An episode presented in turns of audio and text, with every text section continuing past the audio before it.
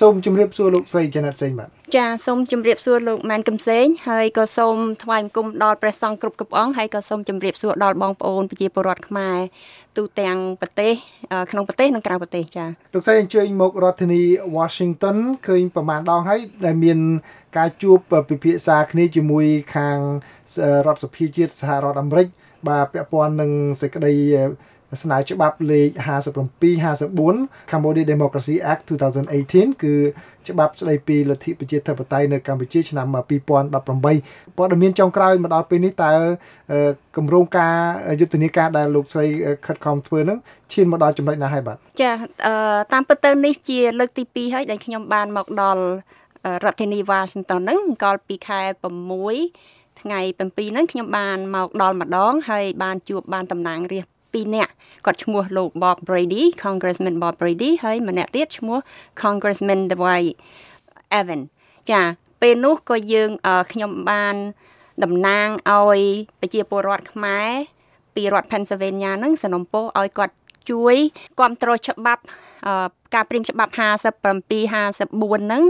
ក៏តំណាងរាស្ត្រទាំងពីរគាត់ថាគាត់រីករាយនឹងទទួលយកគាត់អាចសាញអនហើយគាត់នឹង lobby តំណាងរាស្ត្រដតីទៀតឲ្យឲ្យគ្រប់គ្រងការព្រៀងច្បាប់នឹងចាសូមអរគុណលោកស្រីចុះចំណែកនៅក្នុងចំណោមសហគមន៍ខ្មែរវិញ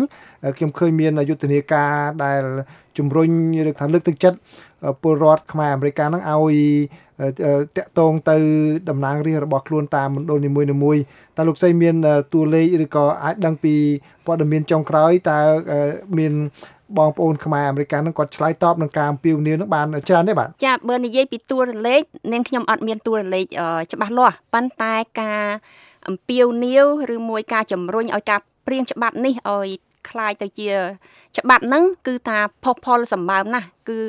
បងប្អូនយើងទូទាំងសហរដ្ឋអាមេរិកហ្នឹងហើយគ្រប់បណ្ដាញគ្រប់អង្គការគឺខំប្រឹងជំរុញការព្រៀងច្បាប់នេះឲ្យคล้ายទៅជាច្បាប់លោកស្រីអាចបញ្ជាក់បានថែមបន្តិចទៀតដើម្បីជាព័ត៌មានទៅដល់បងប្អូនខ្មែរអាមេរិកដែលគាត់ស្ដាប់កម្មវិធីនេះថាតើគាត់គួរតែធ្វើយ៉ាងម៉េចមានដំណាក់កាលយ៉ាងម៉េចនៅក្នុងការដែលគាត់តាក់ទងទៅតំណាងរាស្ត្ររបស់គាត់ឲ្យគ្រប់គ្រងសេចក្តីព្រាងច្បាប់នេះបាទ ចាអឺ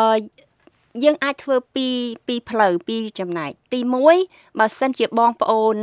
មានជាប់រវល់ឬជាប់រវល់ចាយើងនិយាយថាជាប់រវល់យើងនៅតែអាចជំរុញតំណាងរាស្ត្រយើងតាមរដ្ឋយើងនឹងឲ្យគាត់គ្រប់គ្រងការព្រៀងច្បាប់នេះបានដោយសារទូរស័ព្ទចាយើងទូរស័ព្ទទៅតំណាងរាស្ត្រយើងនឹងសុំឲ្យគាត់យើងប្រាប់ឈ្មោះប្រាប់អីហើយប្រាប់លេខលេខព្រៀងច្បាប់នេះឧទាហរណ៍វាជា HR 57 54ហើយយើងសុំឲ្យគាត់ជួយគ្រប់គ្រងទី2យើងអាចណាត់ជា appointment ហើយសុំមកជួបគាត់ចាដូចនាងខ្ញុំខ្ញុំព្យាយាមណាត់សុំជា appointment ពីព្រោះខ្ញុំចង់ជួបតំណាងរាស្ត្រខ្ញុំផ្ទាល់អញ្ចឹងខ្ញុំបាន appointment ដូចខ្ញុំជម្រាបពីដើមពីខែ6ថ្ងៃ7ហ្នឹងខ្ញុំបាន appointment 2ជួបតំណាងរាស្ត្រហើយថ្ងៃនេះខ្ញុំបាន appointment 1 តាមពិតគាត់អញ្ជើញខ្ញុំមកវិញបកមកវិញដោយសារពីថ្ងៃទី7ខែ6ហ្នឹងខ្ញុំបានយកញ៉ាត់8ដណ្ដប់ញ៉ាត់ដើរចែកដោយសារខ្ញុំចូលបានដល់ការិយាល័យទៅដល់អាគារនឹងហើយខ្ញុំយកញ៉ាត់ទាំង18ហ្នឹងគោះទ្វារជូនគ្រប់ការិយាល័យគាត់ចាអញ្ចឹង Congressman គាត់ឈ្មោះ Congressman Tom Marino ហ្នឹងគាត់បានអឺ ឲ្យសហការីគាត់ខាង Chief of Staff គាត់នឹងតាក់ទងមកខ្ញុំ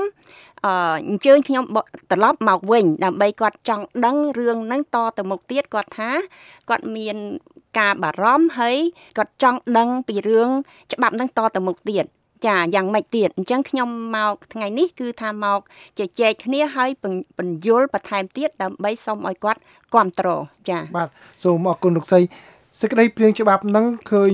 មានចំណុចជាច្រើន ជាពិសេសពាក់ព័ន្ធនឹងការរំលីគណៈបកប្រឆាំងគឺគណៈបកសង្គ្រោះជាតិពាក់ព័ន្ធនឹងការធ្វើបាបសង្គមស៊ីវិលអីជាដើមប៉ុន្តែឥឡូវនេះការបោះឆ្នោតនៅប្រទេសកម្ពុជាគឺគៀកទៅហើយនៅសល់តែមួយខែជាងបន្តិចនឹងរៀបចំការបោះឆ្នោតទៅហើយតើលោកស្រីអាចរំពឹងថាសេចក្តីព្រៀងច្បាប់នេះនឹងចេញទាន់មុនការបោះឆ្នោតនៅកម្ពុជាឬក៏ អាចនឹងពន្យារហូតដល់ក្រោយការបោះឆ្នោតនៅប្រទេសកម្ពុជានោះបាទខ្ញុំសង្ឃឹមថាវាអាចចេញមុន ពីព្រោះខ្ញុំលើកគាត់ថា ជាពិសេស Congressman Bob Brady ហ្នឹងគាត់ថា Robert Brady ហ្នឹងគាត់ថាអូគេនឹងមានការបោះឆ្នោតពីរឿងការព្រៀងច្បាប់នេះនៅពេលខាងមុខអញ្ចឹងខ្ញុំគិតថាពេលខាងមុខហ្នឹងវាមាននៅរយៈពេលខាងមុខពេលខ្លីចាអញ្ចឹងខ្ញុំមានសង្ឃឹមសង្ឃឹមច្រើនចា បាទសូមអរគុណលោកស្រីអាចបញ្ជាក់ជាថ្មីម្ដងទៀតបានទេ ការវិតម្លៃរបស់ខាងចលនាស្ត្រីនៃចលនាសង្គ្រោះជាតិប្រចាំនៅសហរដ្ឋអាមេរិកនេះថាសភាពការនយោបាយហើយនិងសភាពការសិទ្ធិមនុស្សនៅក្នុងប្រទេសកម្ពុជាមកដល់ពេលនេះលោកស្រីវិតម្លៃបានយ៉ាងម៉េចទៅវិញបាទចាខ្ញុំនៅក្នុងនាមខ្ញុំជា ប្រធានចលនាស្ត្រី សង្គ្រោះជាតិបណ្ដាញសកលហ្នឹងហើយខ្ញុំក៏មានបណ្ដាញស្ត្រីខ្ញុំខ្លះនៅស្រុកខ្មែរហើយយើងបានមានតំណែងតំណងគ្នាទៅវិញទៅមកបានខ្លះខ្លះយើងឃើញថាស្ថានភាពនៅប្រទេសកម្ពុជានឹងគឺតានតឹងមែនតែនចាមកដល់ឥឡូវនេះតានតឹងមែនតែនជាពិសេសវាគៀកនឹងនឹងថ្ងៃបោះឆ្នោតនឹងគឺថាសឹងតែពួកគាត់ធ្វើអីមិនបានបញ្ចេញយោបល់មិនបានអត់អាចរំលឹកពីរឿងគណៈបកសង្គ្រោះជាតិស្អីអញ្ចឹងបានឡើយចា បាទត្រឡប់មកបញ្ហាធ្វើយុទ្ធនាការនៅសហរដ្ឋអាមេរិកពាក់ព័ន្ធនឹងសេចក្តីព្រៀងច្បាប់លេខ57 54នេះវិញម្ដងគឺ HR 5754ហ្នឹងតើក្រៅពីមកជួបតំណាងរាស្ត្រដោយផ្ទាល់តើលោកស្រីមាន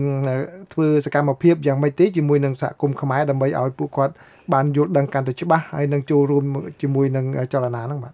ចាអឺ នាងខ្ញុំតែងតែអំពាវនាវជំរុញឲ្យបងប្អូនខ្មែរទូទាំងសហរដ្ឋអាមេរិកហ្នឹងឲ្យគាត់ចូលរួមជំរុញឲ្យគាត់ហៅជាទូតាមទូរស័ព្ទ call តាមទូរស័ព្ទឬមួយ email យើងអាច email អញ្ចឹងខ្ញុំតែងតែជួយបញ្យលពួកគាត់ហើយឲ្យតែខ្ញុំមានឱកាសចូលរួមកម្មវិធីអ្វីមួយអឺ ខ្ញុំតែងតែបញ្យលចាបញ្យលពួកគាត់ដើម្បីជំរុញពួកគាត់អញ្ចឹងនេះជាយុទ្ធនាការរបស់ខ្ញុំខ្លួនខ្ញុំផ្ទាល់ហើយក៏ជាយុទ្ធនាការរបស់អឺសង្គមចាសង្គមអង្គការរបស់យើងនានានឹងដែលយើងចង់ឃើញថាឲ្យបានច្បាប់នេះបានបោះចេញទៅជាជាច្បាប់ចាបាទជាចុងក្រោយខ្ញុំចង់បានទស្សនៈរបស់លោកសីពាក់ព័ន្ធនឹង ស្ថានភាពមួយបើសិនជាមានការរៀបចំការបោះឆ្នោតត្រឹមត្រូវនៅក្នុងប្រទេសកម្ពុជាតើស្ថានភាពសិទ្ធិសេរីភាពរបស់ស្ត្រីនិងភាពក្លាហានរបស់ស្ត្រីក្នុងការចូលរួមក្នុងឆាកនយោបាយអាចនឹងជៀសដល់កម្រិតណាដែរបាទខ្ញុំមានជំនឿថាបើសិនជាអឺគណៈបកសង្គ្រោះជាតិអាចចូលរួមការបោះឆ្នោតហើយបានបានឈ្នះបានកាន់រដ្ឋាភិបាលខ្ញុំគិតថានៅស្ថានភាពឬមួយការទទួលស្គាល់ស្ត្រីអ សមត្ថភាពស្ត្រីអឺទទួលស្គាល់សិទ្ធិស្ត្រីឬមួយតម្លៃស្ត្រីខ្ញុំគិតថាមានខ្ពង់ខ្ពស់ពីព្រោះគណៈបកសង្គ្រោះជាតិជាគណៈបកដែលប្រកាន់នៅលើលទ្ធិប្រជាធិបតេយ្យហើយអឺកាន់នៅលើសិទ្ធិមនុស្សសិទ្ធិស្ត្រី ចាអញ្ចឹងខ្ញុំសង្ឃឹមថា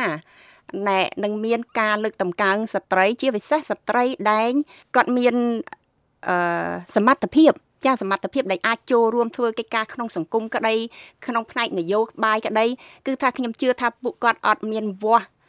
យកមកវាស់នៅគំនិតតាមដូចថាអូស្ត្រីមិនអាចធ្វើនេះធ្វើនោះបានខ្ញុំជឿថាអត់អត់នឹងមានអត់នឹងកើតឡើងខ្ញុំសង្ឃឹមថាអញ្ចឹងចាសូមអរគុណបាទសូមអរគុណលោកស្រី Janet Singh ដែលជា ប្រធានចលនាស្ត្រីនៃចលនាសង្គ្រោះជាតិដែលឆ្លៀតឱកាស ចូលក្នុងស្ទូឌីយោរបស់ VOA នៅរដ្ឋធានី Washington នេះផ្ដល់បទសម្ភាសន៍សូមជម្រាបលាលោកស្រីបាទចាសូមជម្រាបលាលោកមែនកំសែងសូមអរគុណ